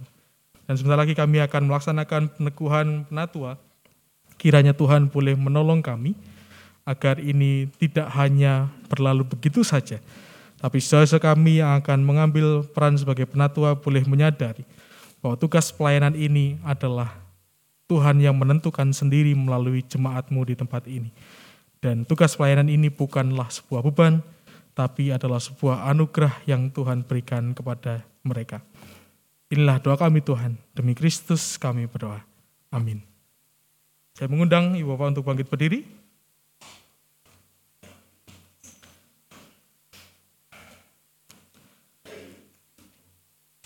Sebagai hamba Tuhan Yesus Kristus, perkenankanlah saya bertanya, apakah jemaat siap mendukung para calon untuk diteguhkan sebagai penatua? Saya persilakan duduk. Para calon penatua tetap berdiri. Para calon saja. Ya. Saya akan mengajukan beberapa pertanyaan kepada para calon penatua. Saudara calon penatua, sekarang saya ingin mengajukan beberapa pertanyaan kepada saudara-saudara. Pertama, saudara calon penatua, saudara telah dicalonkan dan dipilih oleh jemaat untuk jabatan penatua. Apakah saudara percaya dalam hati saudara bahwa saudara dipanggil oleh Allah melalui gereja Tuhan Yesus Kristus untuk menjadi penatua? Apakah saudara percaya bahwa Alkitab Perjanjian Lama dan Perjanjian Baru adalah firman Allah yang menunjukkan jalan keselamatan di dalam Tuhan Yesus Kristus dan karena itu saudara akan menjaga jemaat dari segala pengajaran yang bertentangan dengan kebenaran Alkitab? Apakah saudara bersedia memberitakan Injil dari Tuhan dan Juru Selamat kita Yesus Kristus dan memegang kesaksian Alkitab itu serta menjaga keutuhan gereja? Apakah saudara bersedia mendalami Alkitab dengan rajin dan hidup dalam anugerah Tuhan? Apakah saudara bersedia mendoakan jemaat Tuhan dan membimbing mereka dengan teladan saudara dalam kesetiaan pelayanan dan hidup yang kudus? Apakah saudara bersedia menerima dan mentaati ajaran dan tata gereja GKI? Apakah saudara bersedia setia dalam persekutuan, kesaksian dan pelayanan GKI dengan menggunakan segenap kekuatan saudara untuk misi Allah dan misi gereja di dunia, kini dan di sini? Apakah saudara bersedia bekerja sama dalam jemaat, majelis jemaat, majelis klasis, majelis sinode wilayah, dan majelis sinode untuk memajukan perwujudan keesaan gereja, serta menantikan dalam segala pengharapan kedatangan Kristus kembali? Apakah jawab Bapak Sahala Rumban Raja? Ya, saya percaya dan bersedia. Apakah jawab Bapak Yohanes Memori Mangi Sapang? Ya, saya percaya dan bersedia. Apakah jawab Bapak Nasib Maruli Tua Sipahutar? Ya, saya percaya dan bersedia. Apakah jawab Ibu Rosmina Daily? Ya, saya percaya dan bersedia. Apakah jawab Bapak Emmanuel Marino? Iya, saya percaya dan bersedia. Apakah jawab Bapak Tommy Indra Kesuma? Ya, saya percaya dan bersedia. Apakah jawab Ibu Wahyu Kristianti Raharjo Putri? Ya, saya percaya dan bersedia. Baik.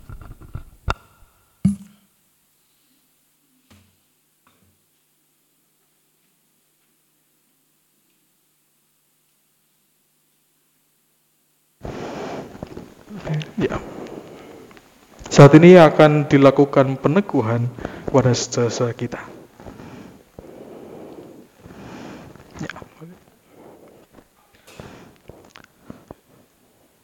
Selaku hamba Tuhan Yesus Kristus, saya meneguhkan saudara dalam jabatan penatua dalam nama Bapa, Anak, dan Roh Kudus. Amin.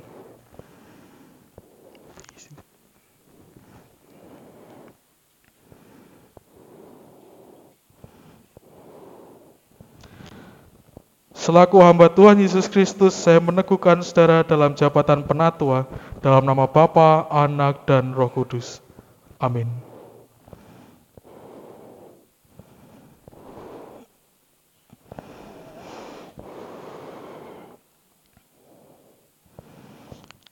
Selaku hamba Tuhan Yesus Kristus, saya meneguhkan saudara dalam jabatan penatua, dalam nama Bapa, Anak, dan Roh Kudus. Amin.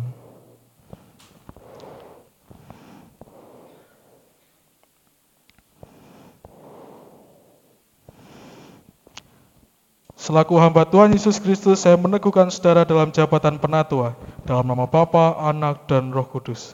Amin.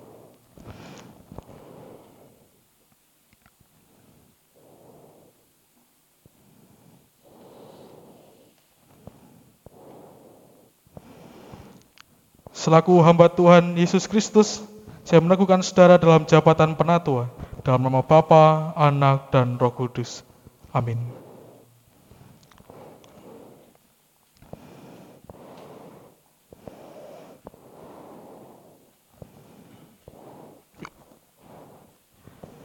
Selaku hamba Tuhan Yesus Kristus, saya meneguhkan saudara dalam jabatan penatua, dalam nama Bapa, Anak, dan Roh Kudus. Amin.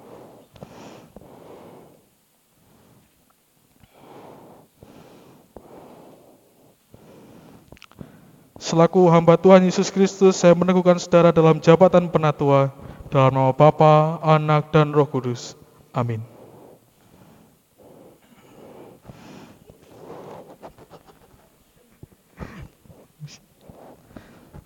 Ya.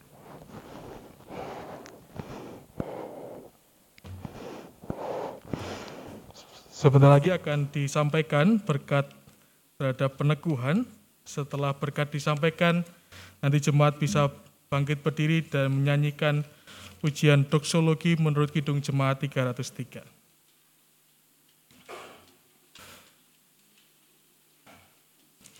Allah yang Maha Kasih dan Maha Murah, Bapa Tuhan Yesus Kristus kiranya melengkapi saudara dengan kuasa Roh Kudus dalam menggembalakan jemaat Tuhan yang telah ditebus oleh darah dan nyawa Kristus. Dan Allah yang Maha Murah dan penuh anugerah memenuhi saudara dengan dengan karunia dan kuasa untuk melayankan firman, pengembalaan dan pembangunan. Amin.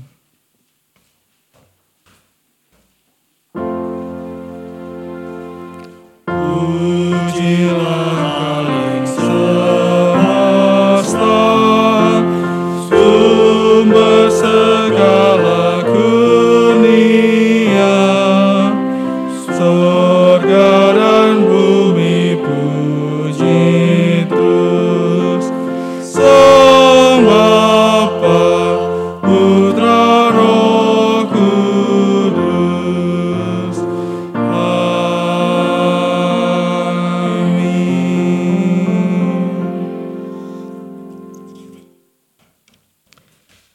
penatua baru Gereja Kristen Indonesia siap mendengar ikrar saudara-saudara untuk tugas pelayanan GKI pada basis jemaat ini maupun dalam lingkup-lingkup yang lebih luas yaitu klasis, sinode wilayah, dan sinode GKI. Bareng. Bareng. Liturgi. Bareng. Enggak, di sini, di sini. Dalam nama Bapa, Anak, dan Roh Kudus, saya menyatakan dengan segenap hati saya, segenap jiwa saya, dan segenap Allah dan segenap akal diri saya bahwa segala kesediaan saya melayani Kristus dan gerejanya di tengah dunia yang butuh penyelamatan Kristus, sebagaimana Bapa saya nyatakan tadi, dilandasi oleh kita yang bergoyah dari Kristus yang dikuatkan oleh kuasa dan karunia Roh Kudusnya kiranya Allah menolong saya. Iya, saya mengundang untuk menghadap ke jemaat. Umat yang dikasihi Tuhan, apakah saudara-saudara siap menerima dan mendukung para penatua baru ini? Dalam nama Bapa, Anak, dan Roh Kudus, kami menerima mereka. Kami berjanji memberi dukungan, kasih, dan doa kepada mereka yang hidup dan bekerja di antara kami menjadi pemimpin yang melayani, agar jemaat Tuhan terpelihara dalam kasih, iman, dan pengharapan. Saat ini akan dilakukan penyerahan piagam penatua.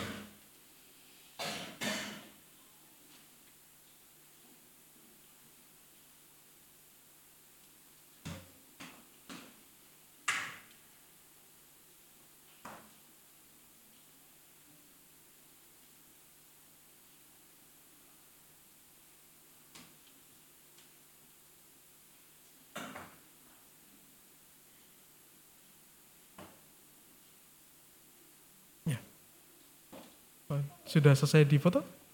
Sudah? Ya, silahkan duduk.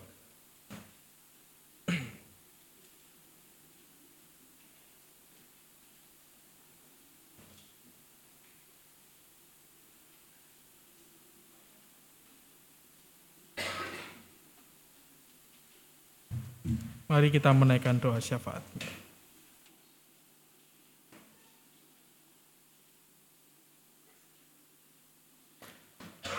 Mari kita bersatu dalam doa.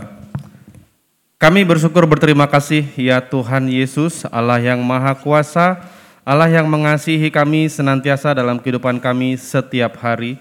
Kami juga berterima kasih untuk banyak hal yang telah Tuhan berikan kepada kami melalui GKI secara khusus kami bisa menikmati 23 tahun bersama dengan Tuhan di GKI saat ini.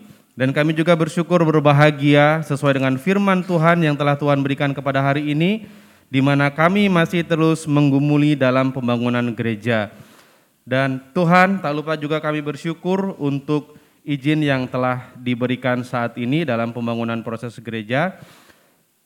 Doa kami bersama kami meminta kepada Tuhan yang Maha Kuasa untuk kami bisa sehati sepikir, saling mendukung satu dengan yang lain, tidak hanya um, penatua, tidak hanya pendeta, tetapi seluruh jemaat GKI dapat bersama-sama terus saling mendukung di dalam hal izin pembangunan gereja yang masih kami gumulkan, ya Tuhan.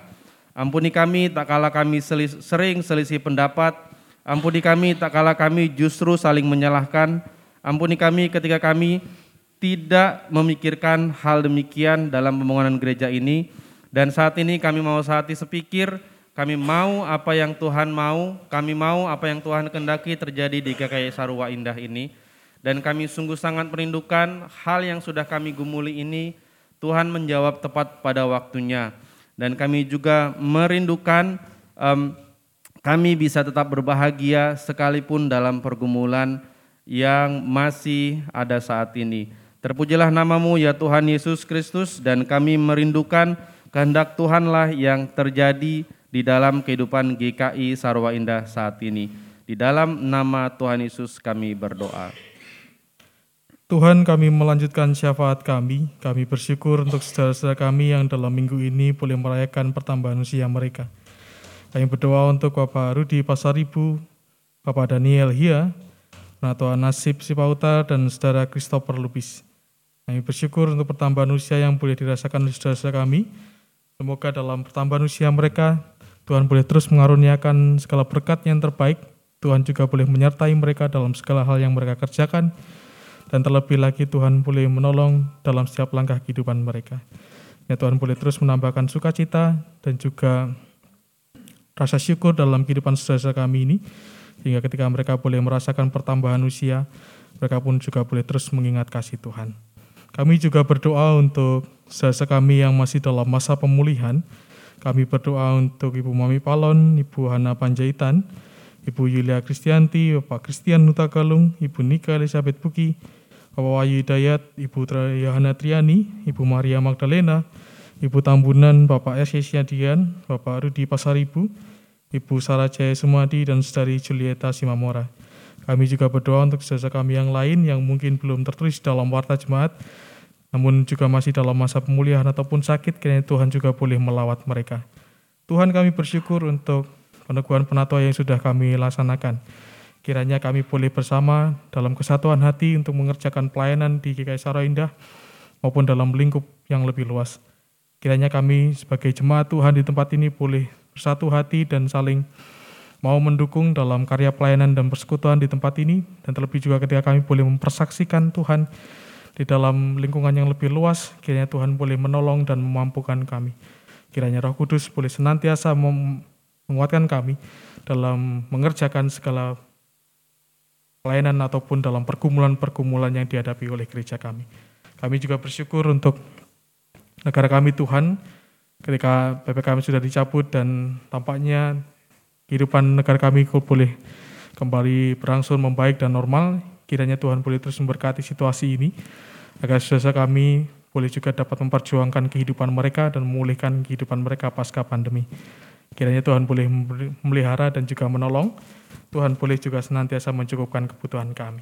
Kami berdoa untuk segenap jemaat dan simpatisan GKI Sara Indah dalam pekerjaan, usaha, ataupun hal yang dilakukan untuk mencukupi kebutuhan mereka. Kiranya Tuhan boleh memelihara dan juga mencukupkan. Kami percaya Tuhan adalah Tuhan yang murah hati yang senantiasa menolong dan memelihara kami. Inilah seluruh syukur dan permohonan kami Tuhan. Kami alaskan dalam nama Tuhan Yesus Kristus yang telah mengajarkan kami berdoa demikian.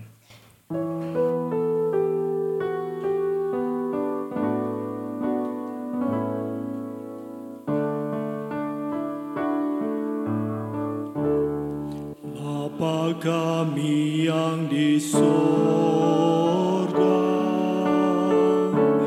dikuduskanlah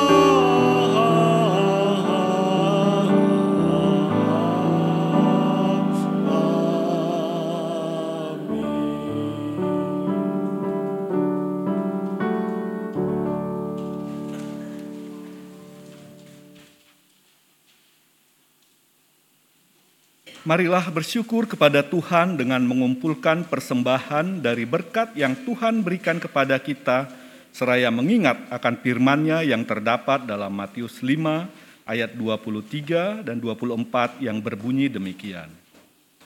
Sebab itu, jika engkau mempersembahkan persembahanmu di atas mesbah dan engkau teringat akan sesuatu yang ada di dalam hati saudaramu terhadap engkau, tinggalkanlah persembahanmu di depan mesbah itu dan pergilah berdamai dahulu dengan saudaramu, lalu kembali untuk mempersembahkan persembahanmu itu.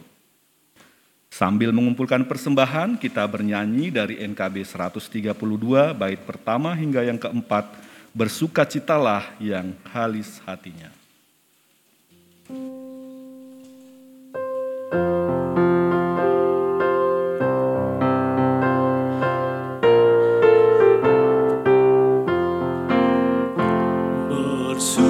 Bersukacitalah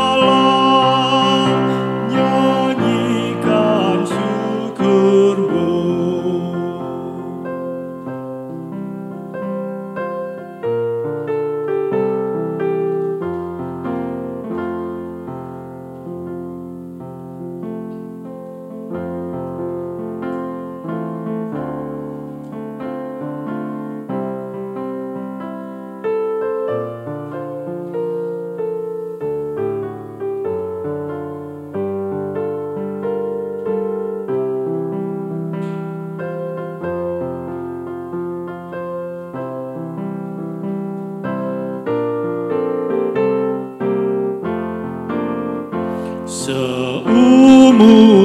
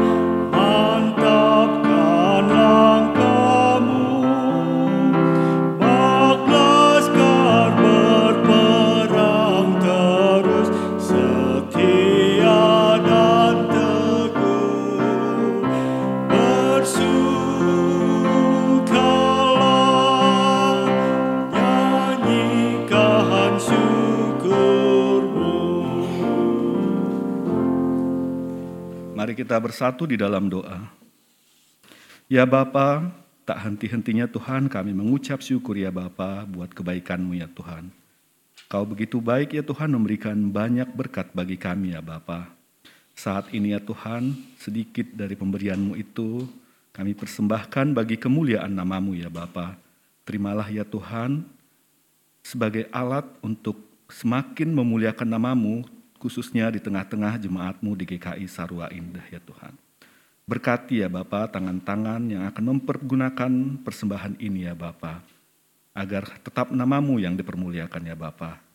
Terima kasih ya Tuhan, biarlah terus kiranya kami dapat mensyukuri setiap berkat yang Engkau berikan bagi kami, dan terus mengingatmu di tengah-tengah apa pun yang Engkau berikan bagi kami.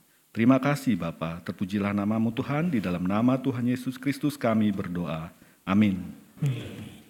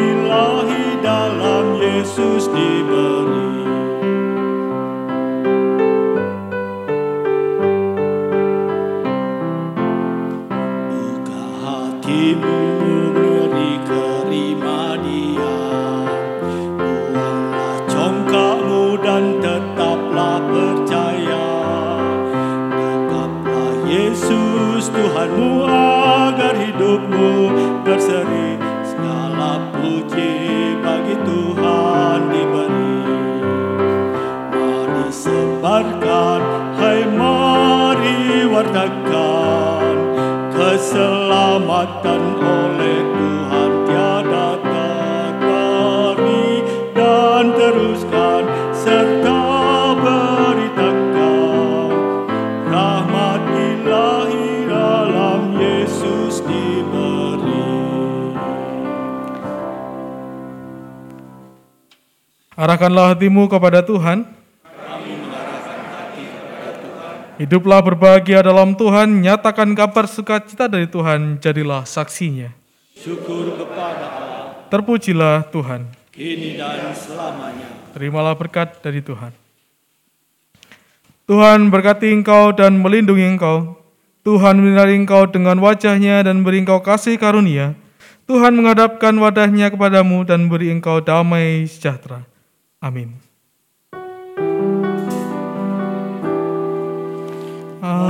Amin,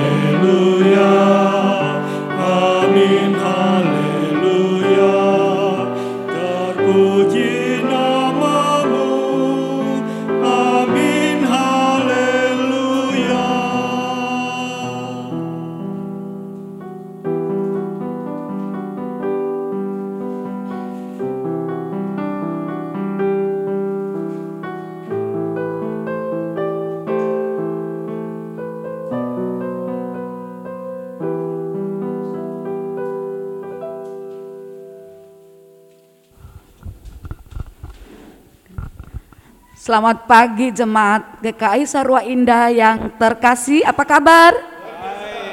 Puji Tuhan. Hari ini kita akan Hari ini kita akan masuk dalam acara uh, memperingati ulang tahun GKI Sarwa Indah.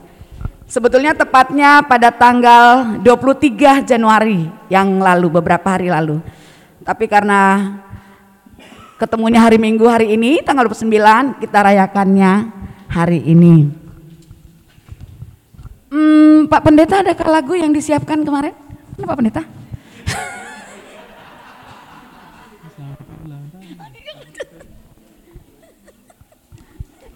gitu ya. Di sini uh, Tama perayaan Ulta GKI Sarwa Indah yang ke-23 umur tepuk tangan dulu dong. Umur 23 itu kalau tadi saya dengar, kalau saya juga mikir kemarin, 23 itu di sini ada yang berumur 23 kah? Saya kasih hadiah kalau ada. Persis hari ini atau 23 tahun kemarin? Oh. Yang benar 23 tahun adakah? Uh, itu mah ketahuan. kalau ada benar saya kasih hadiah. Oh aduh sayang sekali. Kalau ada,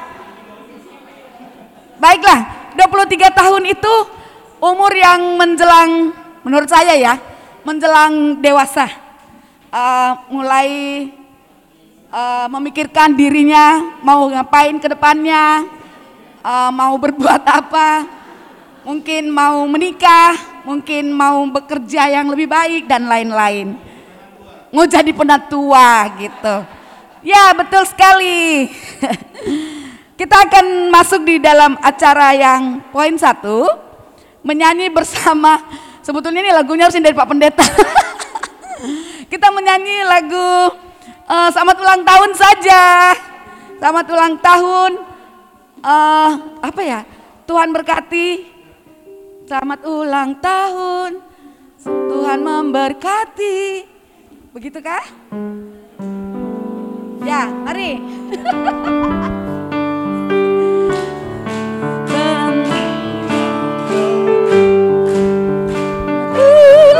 Tahun Berdiri, mari berdiri Selamat ulang tahun untuk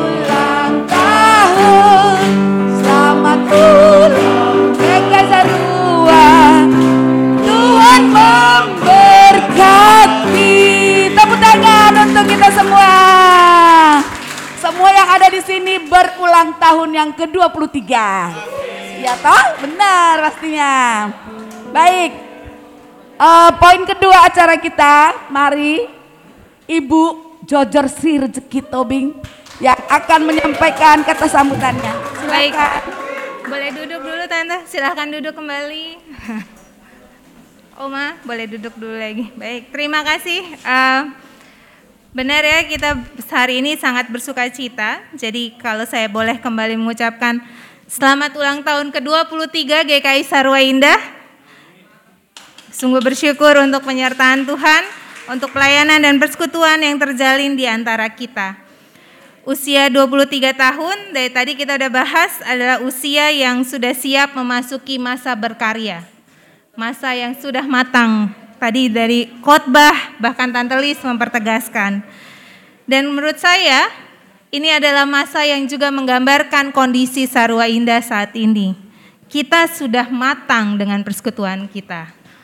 Kemarin ketika kita memasuki masa pandemi, kita bisa bilang bahwa kita melewati ujian itu. Kalau boleh dibandingkan dengan seluruh klasis, kesulitan untuk kembali mengajak jemaat untuk datang onsite gitu ya, hadir tatap muka. Di Sarua Indah kita mengalami sedikit saja kesulitannya dibandingkan jemaat di sekitaran lain di seklasis. Jadi selamat kepada kita yang teruji sudah persekutuannya solid. Kita punya persekutuan dan kekeluargaan yang sudah teruji selama masa pandemi kita terbatas sekali bisa bertemu. Rasanya rindu ya Oma, baru ini kita lebih sering lagi ketemu sama Oma Yulma. Nah satu lagi yang kematangan kita bisa lihat dari persekutuan kita menurut saya adalah adanya penatua-penatua baru dan muda yang hari ini baru saja diteguhkan dan mereka sudah siap bekerja kembali dan menurut saya satu sosok yang tidak bisa terlepas dari pemersatu kita juga tentunya pendeta baru kita. Pendeta Christian Dewantoro menurut saya juga menjadi satu sosok pemersatu di persekutuan kita. Sehingga ke depan, saya nggak mau panjang-panjang, sebagaimana tergambar Sebagaimana tergambar juga dalam visi dan misi 2023 dan 2028 yang kita sudah sama-sama kemarin bersosialisasi, kita berharap bahwa GKI Sarua Indah dapat kembali memperkokoh dan mengembangkan persekutuan yang sudah solid ini. Kita juga boleh mulai merawat apa yang sudah kita miliki dan kita mulai berpikir untuk membangun rumah sendiri di tanah sendiri dan tentunya kita dapat terus bersaksi dan menjadi berkat bagi lingkungan kita di sekitaran sekolah maupun di dusun tiga atau di mana pun kita boleh diberikan berkat bagi Tuhan. Amin. Dan terakhir biar lengkap, izinkan saya membaca pantun ini. Makasih. Saat hati senang dan riang, paling enak makan kalkun. Untuk sarua indah yang paling disayang, aku ucapkan selamat ulang tahun. Mari kita menyanyikan sekali lagi dan tiup lilin. Mas Kris kita boleh tiup lilin kue ya.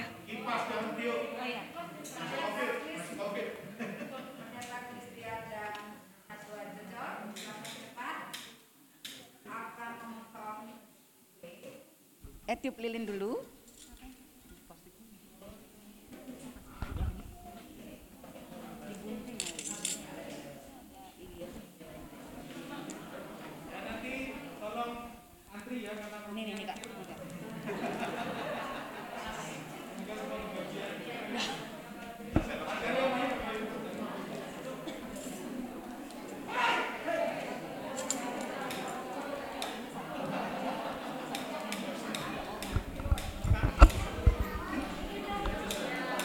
Eh, saya undang Oma Wilma ke depan, Saudara Kiki, Kiki ke depan, Saudara Ella, ada Ella kah?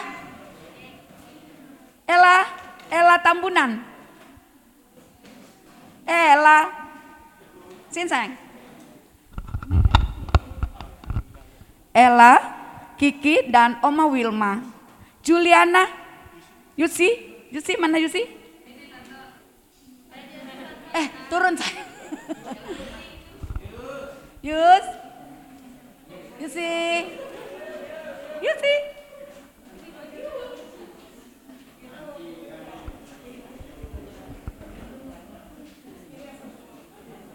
Iya. Iya.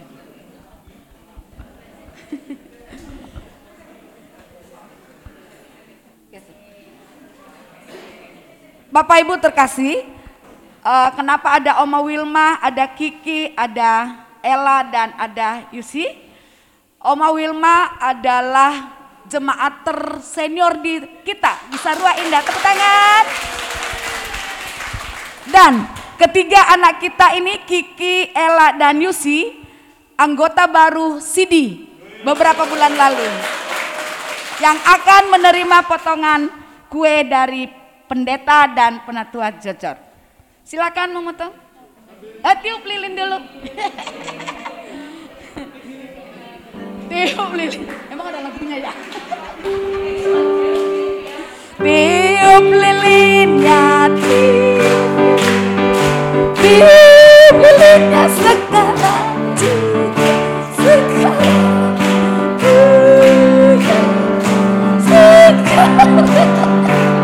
Sekarang.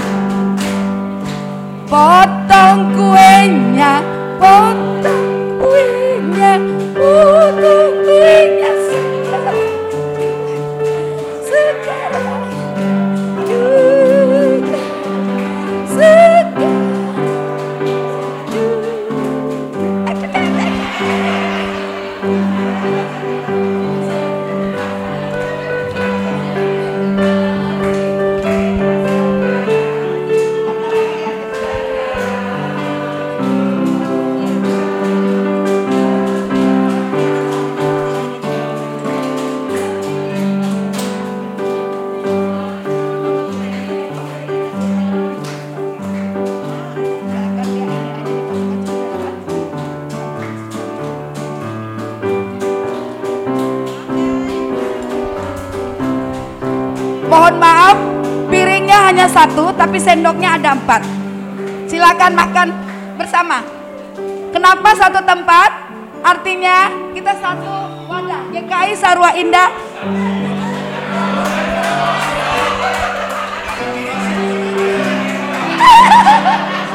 Mas Paiko. Satu wadah GKI Sarwa Indah bersama melayani Tuhan. Hore!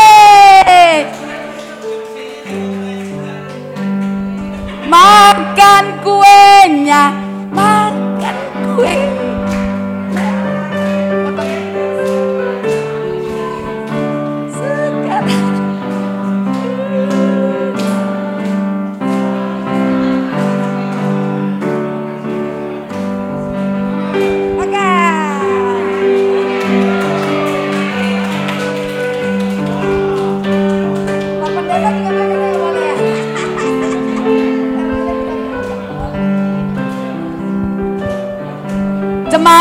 Lain nanti setelah ibadah ini turun di bawah dibagi roti dan minuman kok ada ya. Ya, kita akan berdoa bersama sebelum kita meninggalkan ruangan ibadah ini. Silakan Pendeta Kris. Ya, mari kita berdoa. Kami mengucap syukur untuk acara sederhana yang boleh kami rayakan untuk mengingat kebaikan Tuhan. Gereja kami GKI Sarawinda sudah dewasa selama 23 tahun. Bahkan kalau kami boleh menghitung sebelum didewasakan, usia kami lebih daripada itu. Sudah banyak hal yang sudah kami alami dalam kehidupan berjemaah di tempat ini. Baik suka, duka, pergumulan, berkat Tuhan, semuanya itu boleh terjadi karena kasih Tuhan. Dan biarlah sukacita hari ini boleh juga kami terus ingat bahwa dalam setiap langkah kehidupan kami ada Tuhan di dalam kehidupan kami. Mampukan kami Tuhan untuk terus berjalan bersama, merayakan kehidupan kami, merayakan persekutuan kami di GKI Saro Indah, dan mampukan kami juga Tuhan untuk menyatakan kasih-Mu kepada setiap orang di luar sana yang belum mengenal-Mu. Dan bila sebentar kami akan pulang, akan melanjutkan kehidupan kami masing-masing, kiranya Tuhan juga boleh memberkati segala hal yang kami kerjakan. Inilah doa syukur kami, demi Kristus kami berdoa. Amin. Ya, Pak Pendeta dan pengantar, Penatua Rudi, silakan turun. Ya, terima kasih Oma, Kiki, Yulsi, dan Ella. Jemaat silakan bersalaman di bawah dan akan menerima roti dan minuman. Terima kasih, Tuhan memberkati. Selamat ulang tahun.